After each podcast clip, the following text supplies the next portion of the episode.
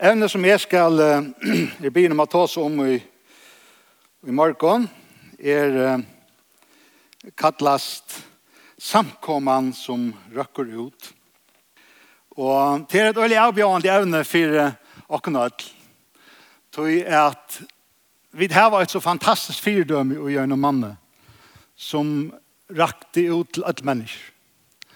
Og jeg tykker at jeg vil øyelig ringe til åkken at nå opp til tannstandarden standarden som Jesus har sett fyrir okkon. Men vi da jeg gjør okkara besta. Reien tar seg om eh, samkomna som eh, sender på. Jeg skjønner så, ja. Og jeg glemmer ikke pakka, nei, jeg glemmer ikke pakka, jeg glemmer ikke myndina som han brukte av ja, mjölkapakken i fyrjon, her som det stendte jokurs da. Det var virkelig at jeg leid til min, og han nevnte etter, hvordan er det vi åkken? Hvordan ser etiketten ut som stender åttan og tog som vi har er bjøa? Viser hun det som er inne i, eller stender det yoghurt av mjølkepakkan? Jeg kan ta seg om Brittlep i Kana, hvordan Jesus var vikommand. Og en av endamalen til åkken er at vi er en vikommande samkomma. Og jeg kan ta seg om hvordan i Jesus vær her som ta pulserande løyve vær, her som menneske sauna oss, og gjennom brytleipe og i kana. Arne ta seg om samkomna som en av familie, og sett i åkken hentan av hva over til spurningen, skal jeg velja løytene at samlas du i. Hvor skal jeg velja løytene at samlas du i, spurte Arne. Hattlor kom inn og hettar om gottene. Hvordan hø er gotten til dere? Ta i mennesker skulle komme inn og gjøre samkommet. Her vi denne høa gott, eller er vi villige til å bråda gottene nye, så mennesker kunne komme her og føle seg vel. Jens tror seg om uh, avbjøringene som vi har i samkommende. Og nevnte etter at at det er gjort noen avbjøringen er at vi mennast. Og i det skal jeg ta seg om samkommene som røkker ut. For noen år så gjerne så kom jeg i samband vi og en mann. Jeg visste ikke ordentlig hvordan jeg skulle gjøre vi etter, til at jeg følte meg jeg syntes uttrykken vi han. Skal de være viner vi han etla? Skal de være satt og skjemme vi honom og så framvis? Alle disse tankene kommer til meg inn. Og... Det var ikke øyla latt. Og ikke har vi han gjør, at han var lukket som en, en pastor av familien. Arbeid som lærere og være sinte framstandende og kjentor. Jeg følte meg avtrykkan vi han. Det var nekka uttrykt så vi mer vi hese mannen. Jeg visste ikke ordentlig hva jeg skulle gjøre. Og om jeg skulle hava nekka vi henne gjøre. Kom fra en tryggvand i heime. Men ta han ta seg om familjesøyna, så virka det akkurat som om han han ville jo ikke hava vitt det jeg gjør. Det er sterska møyningar. Om rævlig han ikke vi skifter. Kanskje var det at jeg var lærer, jeg vet ikke. For jeg har ofte sterske meninger om ting. og da jeg snakket vi igjen og rundt argumenterer vi igjen, så har han alltid sånne argumenter på plass. Det var håpløst at diskutera vi igjen. Jeg kunne seta, jeg kunne ikke sette finger av det som han sier. Det var alt rett, men det var lukket som maten han sier det på, og hvordan han var som en person og som jeg følte meg avtrykkene ved. Han var ofte avleipant og ikke særlig pedagogisk. enn det aggressive vi kvart. Hei stått fjus. Tå seg øyelig ofte negativt om de som han kallet de religiøse og hans religiøse hyklerne, sier han alltid. Hans religiøse hyklerne. Og så var det følgene som han var sammen med. Og så er det frytøy som helt ikke var særlig trykker vi. Han var anket i anker varslån sammen med høgtstandande mannen her som vi visste jeg skøtjer var til stedet. Jeg sier da vi han at dette dømte meg ikke. Og hatt det helt i var rævlig lengt ut. Men han gikk det bare øksel og smultest. Han var ofte på innom. Altså i nattarløyven. Han kom sent hjem. Da jeg spurte han hva han er ved, så, så sier han han er i tåsa vi omkring. Han visste vel at jeg var en tryggvandig og at jeg ikke kom slik støt. Men allikevel så spurte jeg ham fer at han har fer, lykka som var sin stinkande. Kjem det ikke vi mer i bojen i kveld? Øyna for jotta i at færa vi honom. Og det skulle de ikke ha gjørst. Det er kveld fikk den hele armen, som han sier. Vi enda vi en er gøt og her, her skøtjer standa og selja seg sjølvan. Jeg husker i meg selv om er ikke ser mer. Men det var lagt der sagt enn gjørst. Så alle jentene her, det er kjent han. Og kommer rennende i til dere. Det var virkelig obeheilet. Hei Jesus, sa det der. Han rattet sine armer ut. Han omfemte det her. Jeg råkker vi tog i at øyne stene, anker stedene i hese her søvende som vi har vel lyst gjerne opp. Så jeg legger ikke oppfyrt ikke om at dette var Jesus i tar seg om. Og jeg vet ikke om det samme hendte for tikkene som hendte for meg, da jeg lusta i etter hese her søvne, og gjerne er tale som vi lustet etter. Men var det kanskje så nær at i tog løtene dit funnet til at det var Jesus i tog seg om, så kobla hun dit lykke som personlige fra hans her søvne. Jeg gjør det til. Jeg husker ja, til Jesus han tog seg om. Løya, ja Men søvann handlar ikkje om Jesus godhet. Så han er slik her. Søvann handlar om te og meg. Han sa søvann handlar om det som Jesus har kattla okkon til. A fære ut til de menneskene som ønsken annar vil hava nekka vi a gjerra.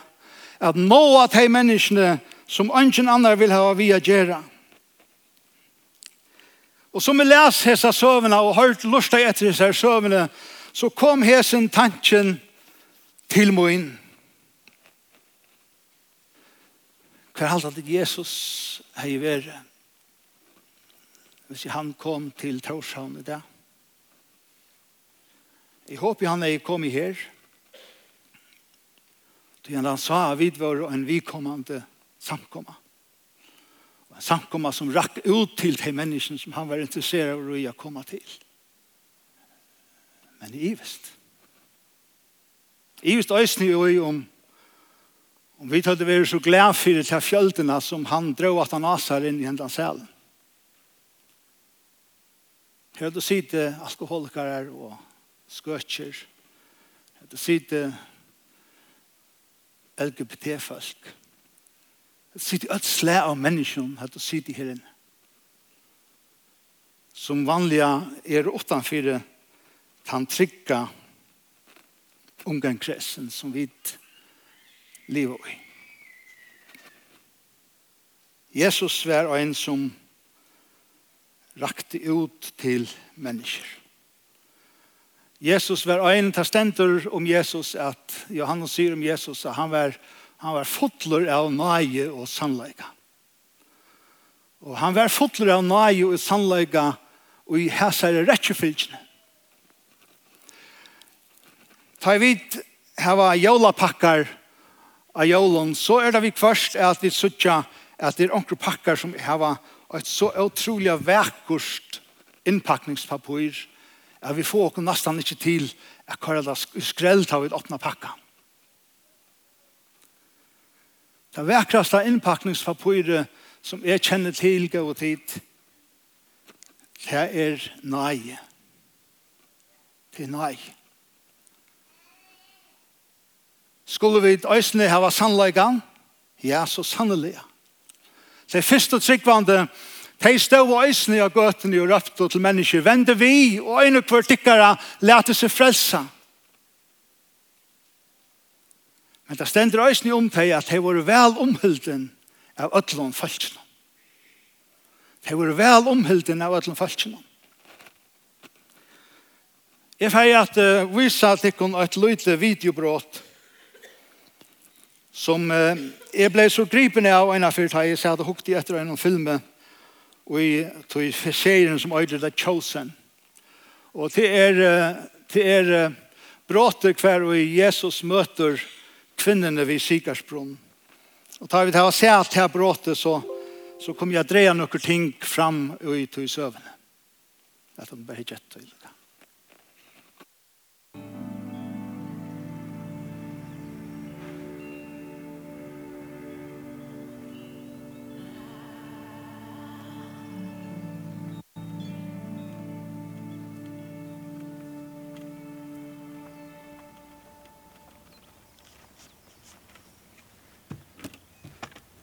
give me a drink?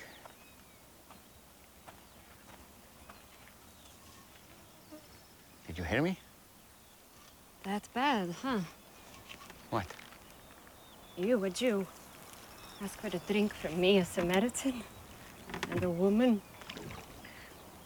I'm sorry. I should have said please. You know, it's not safe for you to be alone out here. Nor you. Why haven't you come with others? Why so late in the day? Don't women come to the wells in the, the cool of the morning? Yeah, well, none of them will be seen with me, so I have to come at noon. In the heat, as you have so kindly reminded me. Why won't they be seen with you? Long story. I'd, I'd still like a drink of water if you can spare it. Amazing what a parched throat will do. Aren't I unclean to you? Won't you be defiled by this vessel? Maybe some of my people say that about your women, but I don't. Yeah? And what do you say? I say if you knew who I am, you'd be asking me for a drink. Really? And I would give you living water. Would? Except that you have nothing to draw water with, and this is a deep well. Besides, what do you need from me if you have your own supply of living water? Long story. But Jewish water is better than Samaritan water, hmm? That's not what I said. Are you a better man than our ancestor Jacob, who dug this well? Your water is better than his? I know Jacob. And everyone who drinks this water will thirst again. But whoever drinks the water that I give him will never be thirsty again. Wouldn't that be nice? The water I give will become in a person a spring of water welling up to eternal life. Really? Yes, really. Prove it. First, go and call your husband and come back. I will show you both. I don't have a husband. You are right. You've had five husbands. And the man you're living with now is not your husband. oh, I see. You're a prophet. You're here to preach at me. No. Usually the one good thing about coming here alone is I can escape being condemned. I'm not here to condemn you. I've made mistakes. Too many. But it's men like you who have made it impossible for me to do anything about it. How? Our ancestors worshipped on this mountain. But you Jews insist Jerusalem is the only place for true worship. They say that because the temple is there. Exactly where we're not allowed. I'm here to break those barriers. And the time is coming when neither on this mountain nor in Jerusalem will you worship the Father. So, where am I supposed to go when I need God? I've never received anything from God, but I couldn't thank him even if I did. Anywhere. God is spirit. And the time is coming and is now here that it won't matter where you worship, but only that you do it in spirit and truth. Heart and mind, that, that is the kind of worshipper he's looking for. It won't matter where you're from or what you've done.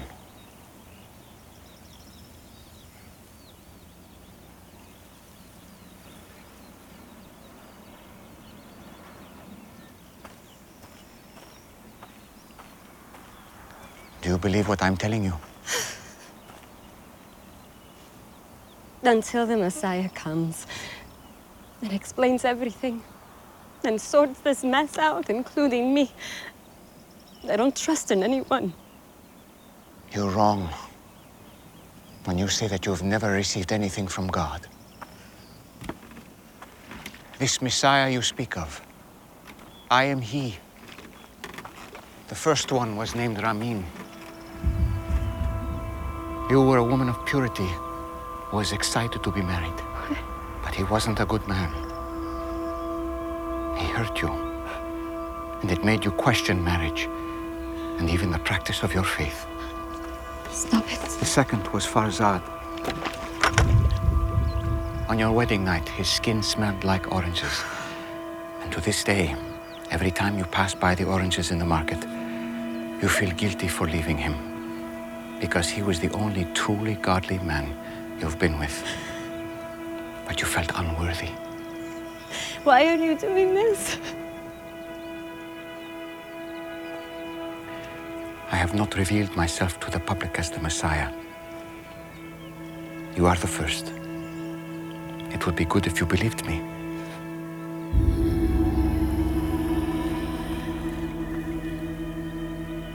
picked the wrong person. I came to Samaria just to meet you. Do you think it's an accident that I'm I'm here in the middle of the day?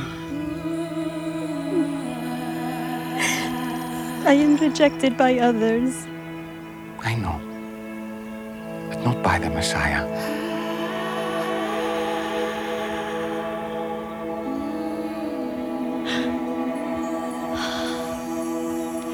And you know these things because you are the Christ.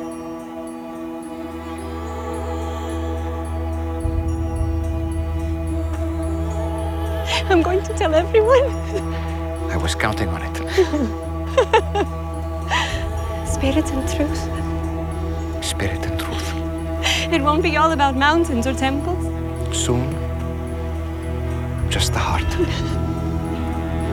you promise? I promise. told me everything.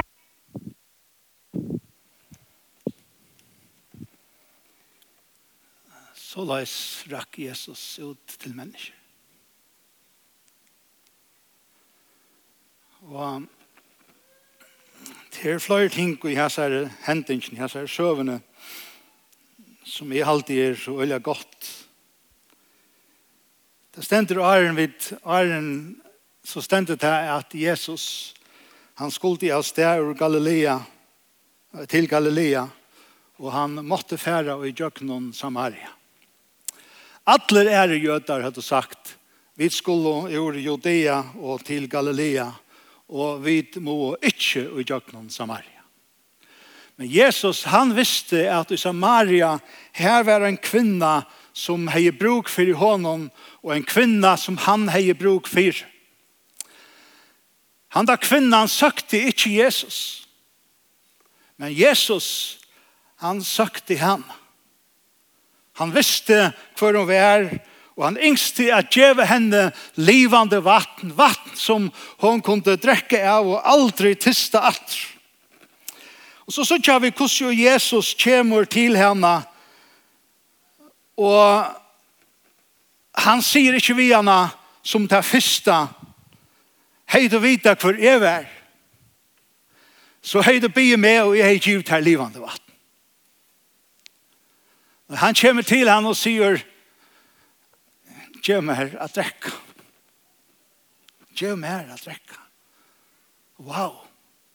Hesen Jesus som hei så negv at bjau på, Hesen Jesus som hei som var løsens brei, som var løsens vattne, som Jesus, som var kommet av frelsa atlan heimen, han møter en av kvinno ute vid en brunn, og han sier vi henne, kan du gjøre mer å drekke?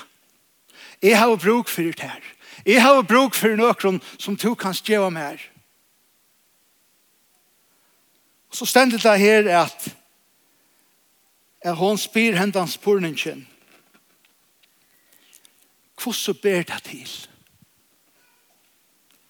Hvordan ber det til at du som er jøte blir en samverska kvinne om nækka at drekka?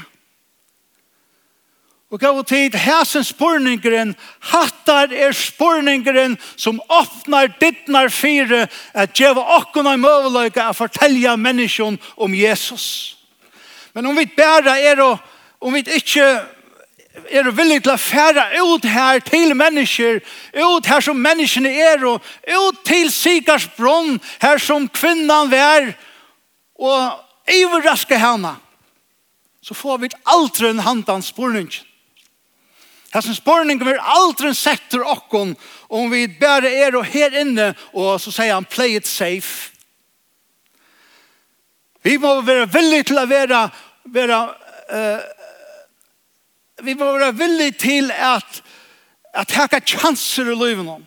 Vi må være villige til at taka chanser vi menneskene som vi ikke har noe for Herren Jesus. Og vi vil være nødt til å fære ut til disse falskene. Hesen setning, setningren, hvordan ber det til Heva Jesus finnje flere ferinar og i djøknon i djøknon evangelien. Vi sitter hitje etter setningen om hvordan ber til og åren om offherren så stendte det fer at han fer, at de spurte og hvordan ber det til. Jesus grødde i øyn blindan, og foreldrene, og tar kommet til foreldrene og sier, er dette ikke han som de sier, er født og blindur, hvordan ber det til at han ser? Og det stender om Jesus fer at han er fer, at hei var offeren av tal og hans herre. Hei var offeren av tog som han sier. Det var offeren av tog som han gjør det. Hvordan offeren er det mennesker av åkken? Hvordan offeren er det mennesker av tog som jeg gjør det? Hvordan offeren er, er, er mennesker av mer da jeg kom i utemiddelen terra? Kan jeg fære til stø her som mennesker sier, Billy, hvordan blir det til? at du er her.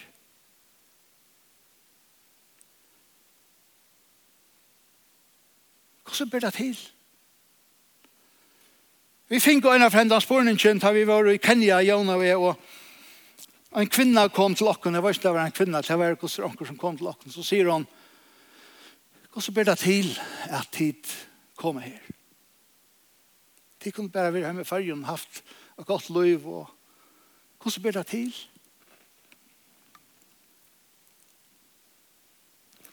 så sykja vi hvordan i hån, var ikke nødvendig merke til at ta i kvinnan kommer ut til brunnen, og Jesus sier vi henne, gjør att at rekka, hvordan hun hikker ned i brunnen, og hun vil ikke engang hikke opp av Jesus. Hun skammast at hikke i egen av Jesus. Men han leser henne speklig opp.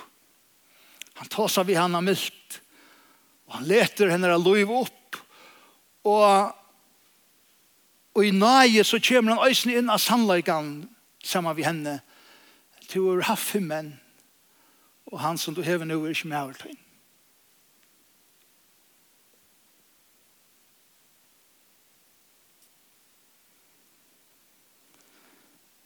Så sitter vi den kvinnan for rennande inn i byen.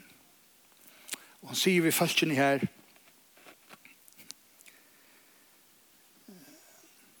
Jeg har møtt mannen som har fortalt meg alt det som jeg har gjort.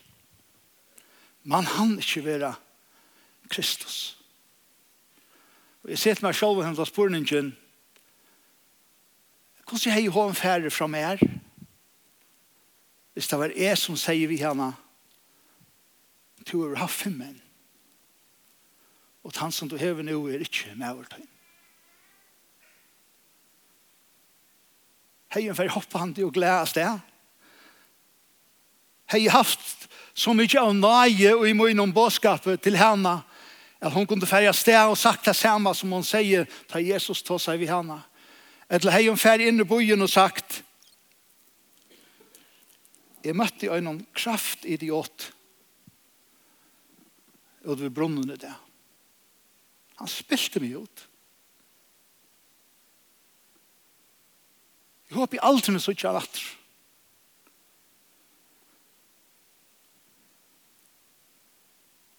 Jeg håper ikke. Hun får inn og i bojen, og hun har ikke svære på alt. Hun kom ikke inn til deg og sier, nå skal jeg fortelle deg. Hun sier, nei, jeg har møtt en mann.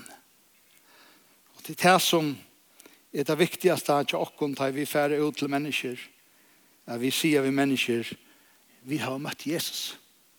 Og vil gjerne hava at tid øysene møter honom. Så ikke til at tøyen hun øysene fer fram her, og, og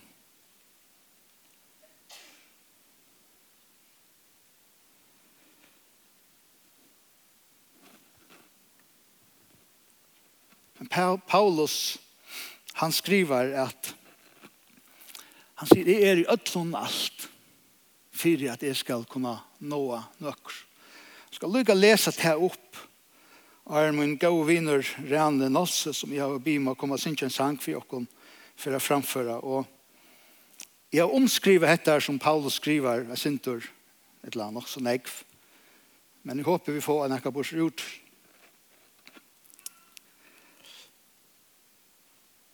Jeg røyner nå ut til så nek mennesker som mulig.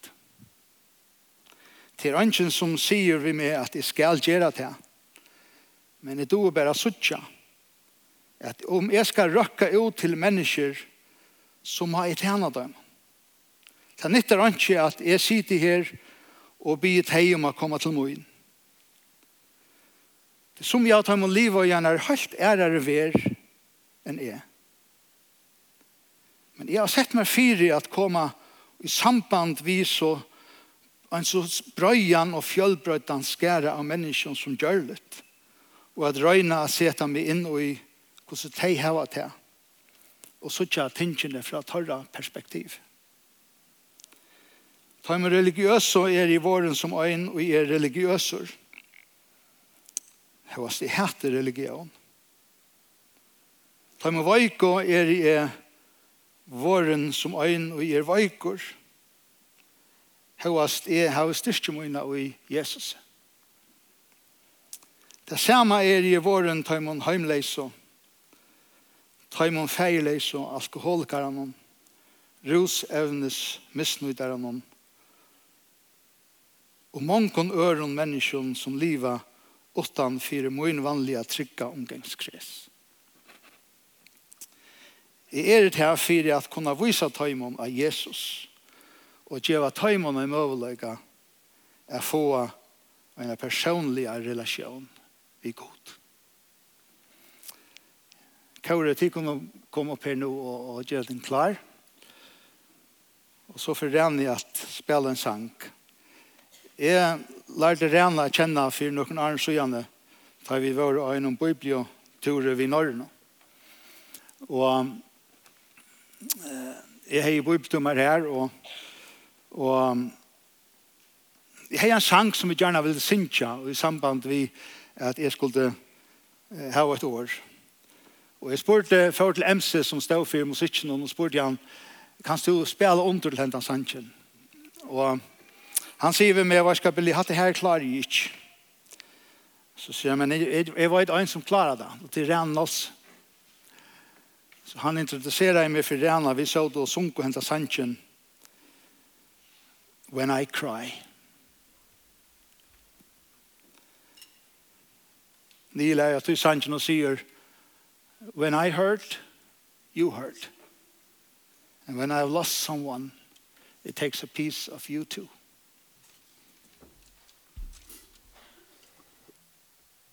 Ja, hallo tid. Hette først vi er inn her på et, vant i høstkvalde. Billy har vi møtt ofta ofte på Norrønne, og han er alltid triv jo ut her jeg og Bian kom jeg sunnkje, og det viser seg at han er en større Billy Joel-kjennere.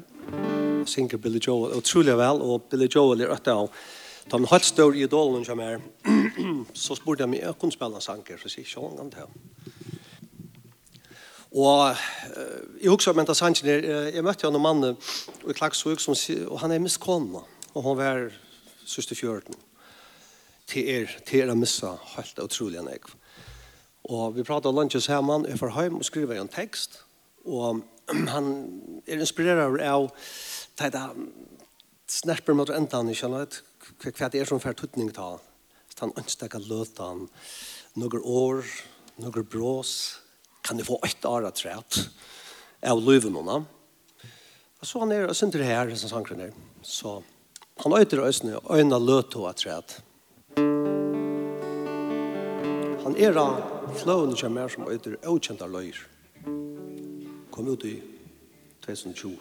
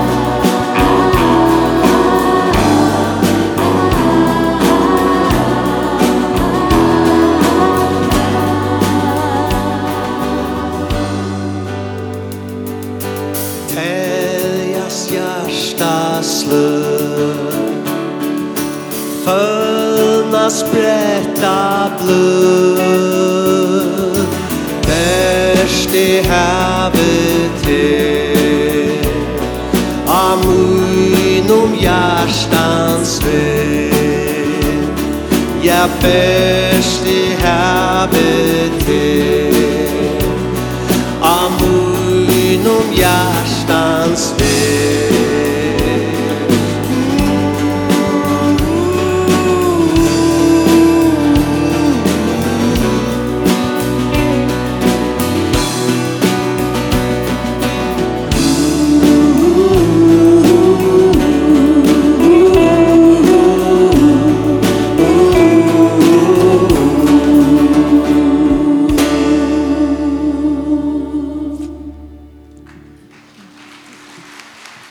Tusen takk for i mål,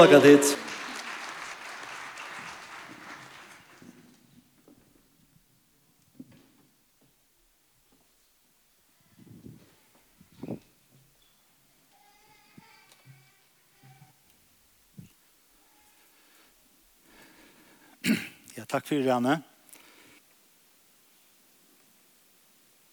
Møveløyken tjokken at nå er ut er avtømant. Det er sånn at mennesker gav tid. Det er så at vi bølger samfunnet som er ønsom. Det er som hesen som redan i øsne sang om, eller som vi sunk om.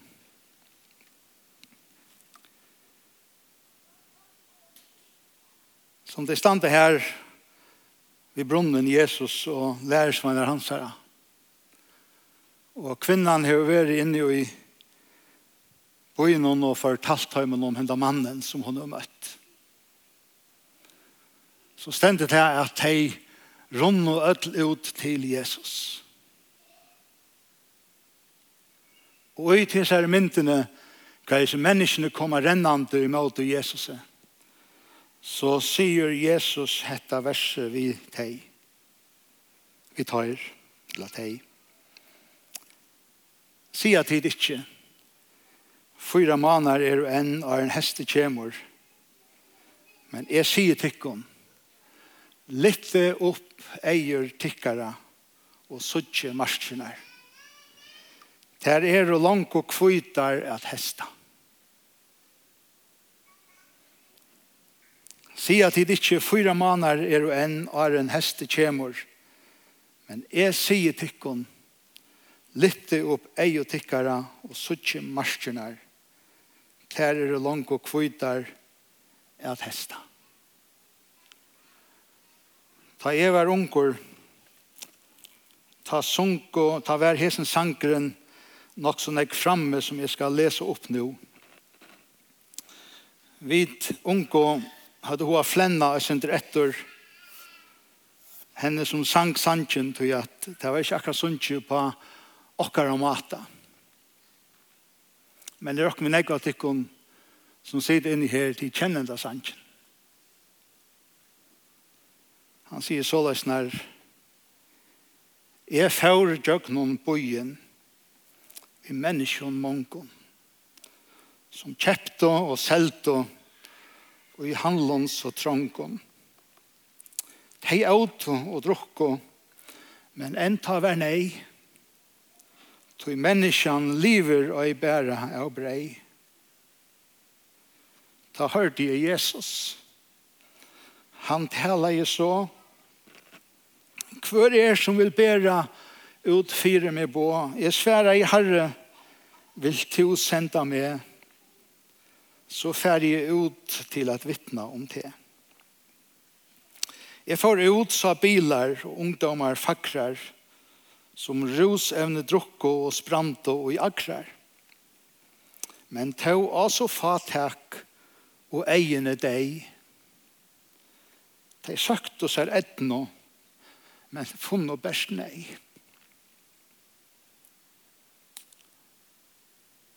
Ta sier jeg, Da hørte jeg Jesus, han taler i så.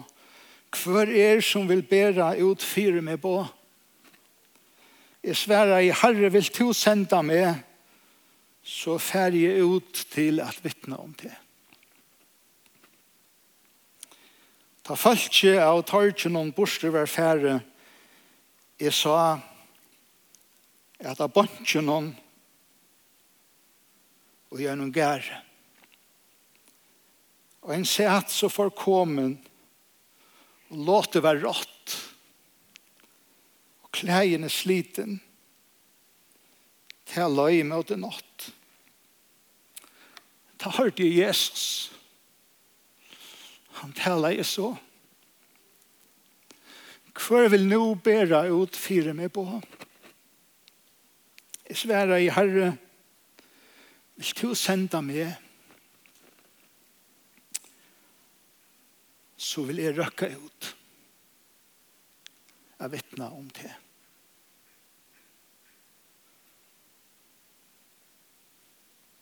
Vil du røkke ut? Kan ikke lytte at vi sier at vi har en samkommer som vil røkke ut hvis ikke samkommene er oppbygd av anstaklingom som setter seg fire at jeg vil røkke ut. Hva hvis jeg tog først og rakk ut til omkran hese vikene som tog kunne takke inn her kanskje neste sånne der. Eller slett ikke. Det gjør ikke om, ikke om det ikke kommer ut inn her.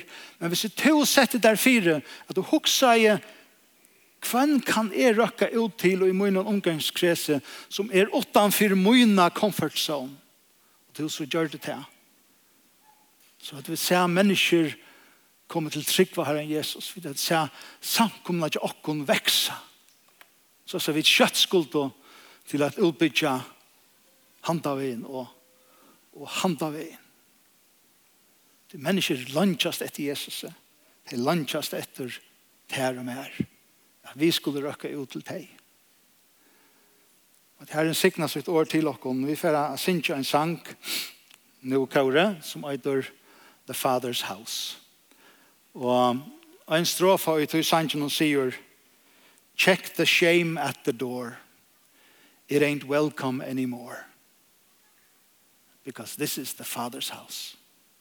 Her er öll velkommen. Te veiko, te sjuko, te stersko, öll er velkommen her.